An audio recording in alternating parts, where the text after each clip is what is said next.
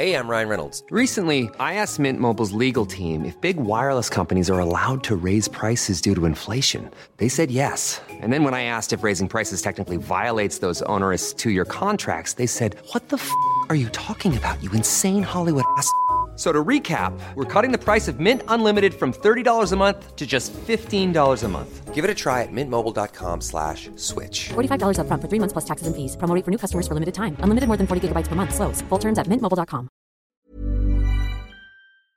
Henry läser Wikipedia.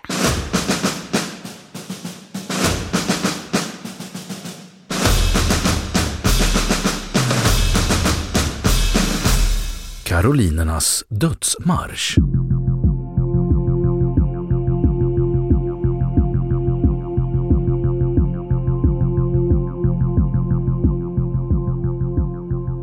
Karolinernas dödsmarsch, även kallad katastrofen på Öjfjället, var den svenska arméns tillbakatåg över Tydalsfjällen i Trondelag på nyåret 1719 där 4 273 av de cirka 6 000 karoliner i den norra armén som deltagit i Karl XIIs andra norska fälttåg 1718 frös ihjäl.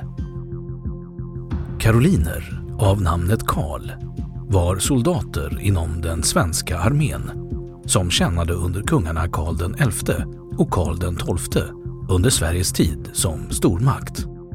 I regel var de klädda i blå rockar med gult foder uppvikta nedtill.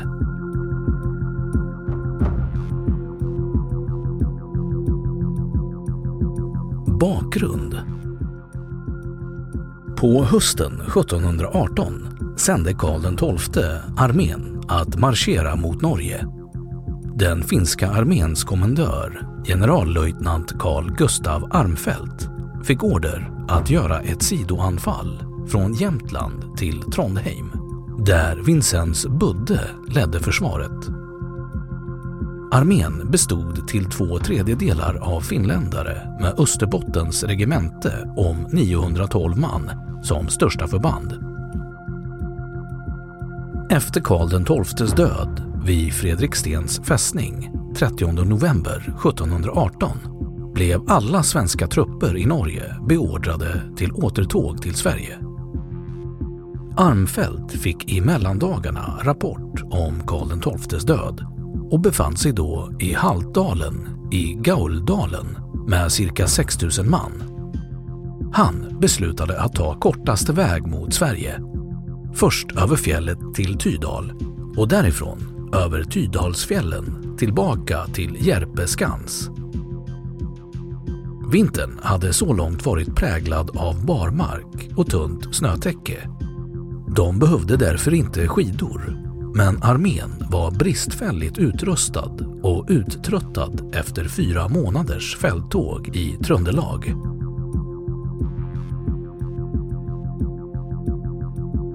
Marschens förlopp Den 28 december bröt trupperna upp från Haltdalen och tog sig över till gårdarna ovanför Flåren kapell i Tydal. En sträcka på nästan 30 kilometer. På grund av det kalla vädret dog cirka 200 man på fjället. På nyårsafton var hela den armfältska armén samlad på gårdarna Ås och Östby längst upp i Tydal. Trupperna omfattade nu nästan 5800 man. En förtrupp på 15 skidlöpare sändes över till Jämtland för att förbereda tillbakaryckningen inne i Sverige. På nyårsdagens morgon bröt Amfelts armé upp från Östby i Tydal. Vädret var mycket kallt, men med uppehåll. Avståndet till byn Handöl i nuvarande Åre kommun är cirka 55 kilometer. I bra väder skulle armén kunna nå Jämtland efter två dagars marsch. Med var den norske vägvisaren Lars Bersvensen Östby. Samma eftermiddag bröt ovädret ut. En våldsam nordvästlig storm som virvlade upp den lätta snön. Göran Nordberg, skriver i sin skildring av händelsen att man såg citat ut ur havet, västnordan efter, opsliga förfärliga svarta moln, vilka strax efter bredde sig över allt med snö och isbark och hade i följe en sån bitter brännande köld att både människor och kreatur stelnade och fulloneder döde. Med dålig sikt och bitande köld blev soldaterna tvingade att slå läger på Öjfjällets nordsida vid Essandsjön. De försökte göra upp eld och brände gevärskolvar och slädar, något som bara gav kortvarig värme. Uppskattningsvis frös 200 man ihjäl denna första natt. Nästa dag fortsatte stormen och tillbakaryckningen blev nu helt kaotisk. Huvuddelen av trupperna kom fram till gränsen och slog läger vid Enan. De högg hål i isen på Enan för att se åt vilket håll vattnet strömmade. Åt det hållet var räddningen. Det enorma manfallet fortsatte dock. Hästarna stupade och all utrustning måste lämnas på fjället. Stormen fortsatte den tredje dagen, den 3 januari. Samtidigt tog sig de första trupperna med Armfält i spetsen sig fram till Handöl. Kvar på fjället låg cirka 3000 man ihjälfrusna. Huvuddelen av de överlevande ankom till Handöl den 4 och 5 januari. Handöl bestod vid denna tid dock enbart av tre gårdar. Därför kunde endast en liten del av soldaterna få tak över huvudet där. De lägrade sig kring stora bål medan fältskärerna arbetade med att såga av förfrusna lemmar för att om möjligt rädda liv. Efter vad en regementsfältskär berättar blev hela tunnor fyllda med avsågade armar och ben. Här dog flera hundra personer av brist på föda och vård. En gravvård av täljsten som upptäcktes på platsen år 1889 berättar Anno 1719, januari 20, begrovos här 600 människor. På den vidare färden ner till Duved dog ytterligare cirka 700 man. I byn Vallan, 12 kilometer från Handöl, fanns det bara två hus. Enligt sägnen fylldes stugorna från golv till tak med dödströtta karoliner och de som inte fick rum där inne lutade sig mot stugans väggar där man på morgonen fann många av dem ihjälfrusna. När de överlevande anlände till Duved hade inte heller där något förberetts för att ta emot dem. Kapten Hammarskjöld vid Jämtlands regemente som Armfelt sänt i förväg till Duved med 13 skidlöpare för att förbereda truppernas mottagande hade inte hunnit fram när huvudarmén kom dit. Hammarskjöld hade nämligen också gått vilse på fjället.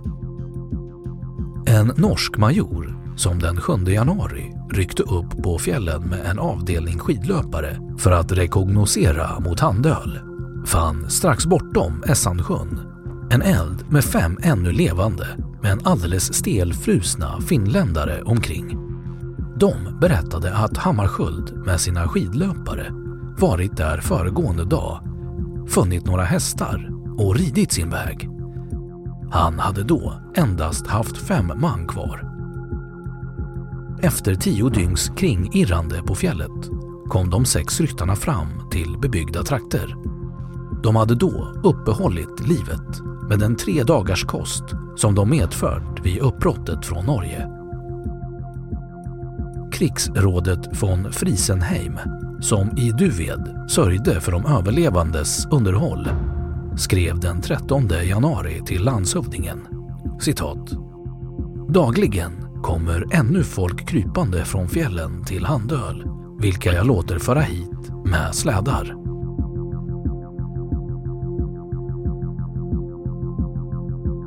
Efterspel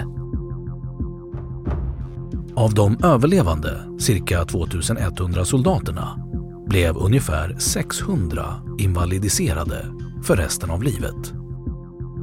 Rektorn i Hudiksvall, den läkekunnige prästmannen Olof Broman, berättar i sin dagbok för år 1719 så här. Vid början av detta året anlände hit hos mig över 250 personer av finska kavalleriregementet och general de la Barres folk.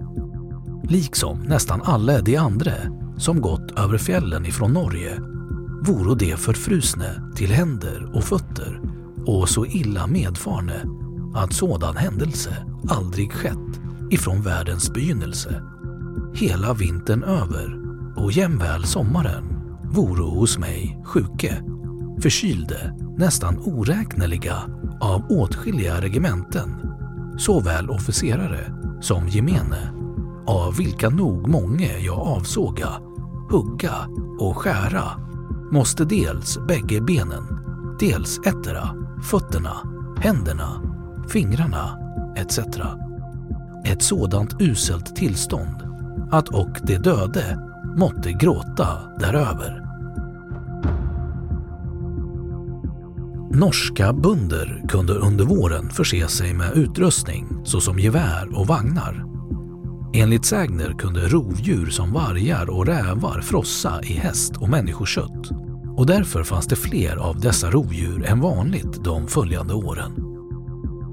De finska regementena stannade kvar i Jämtland till mitten av april, svårt härjade av sjukdomar som även angrep den civila befolkningen. En gammal anteckning i Undersåkers kyrkbok meddelar att i Rista by i Undersåker dog flera hundra soldater, vilka begravdes vid Skarpänget. Eftersom de dog lades de uti ett stall där detsamma avhämtades av en gammal änka, Lång-Olofs Ragnhild och kördes ut i en foderskrinda till det förstnämnda stället.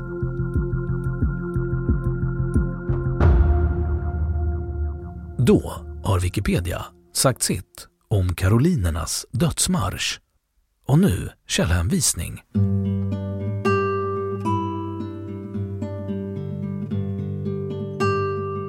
1. Grimberg Karl 374 Svenska folkets underbara öden Karl XIIs tid från 1710 samt den äldre frihetstiden 1709 till 1739 Runeberg.org 2. Grimberg Karl 376 Svenska folkets underbara öden Karl XIIs tid från 1710 samt den äldre frihetstiden 1709 till 1710.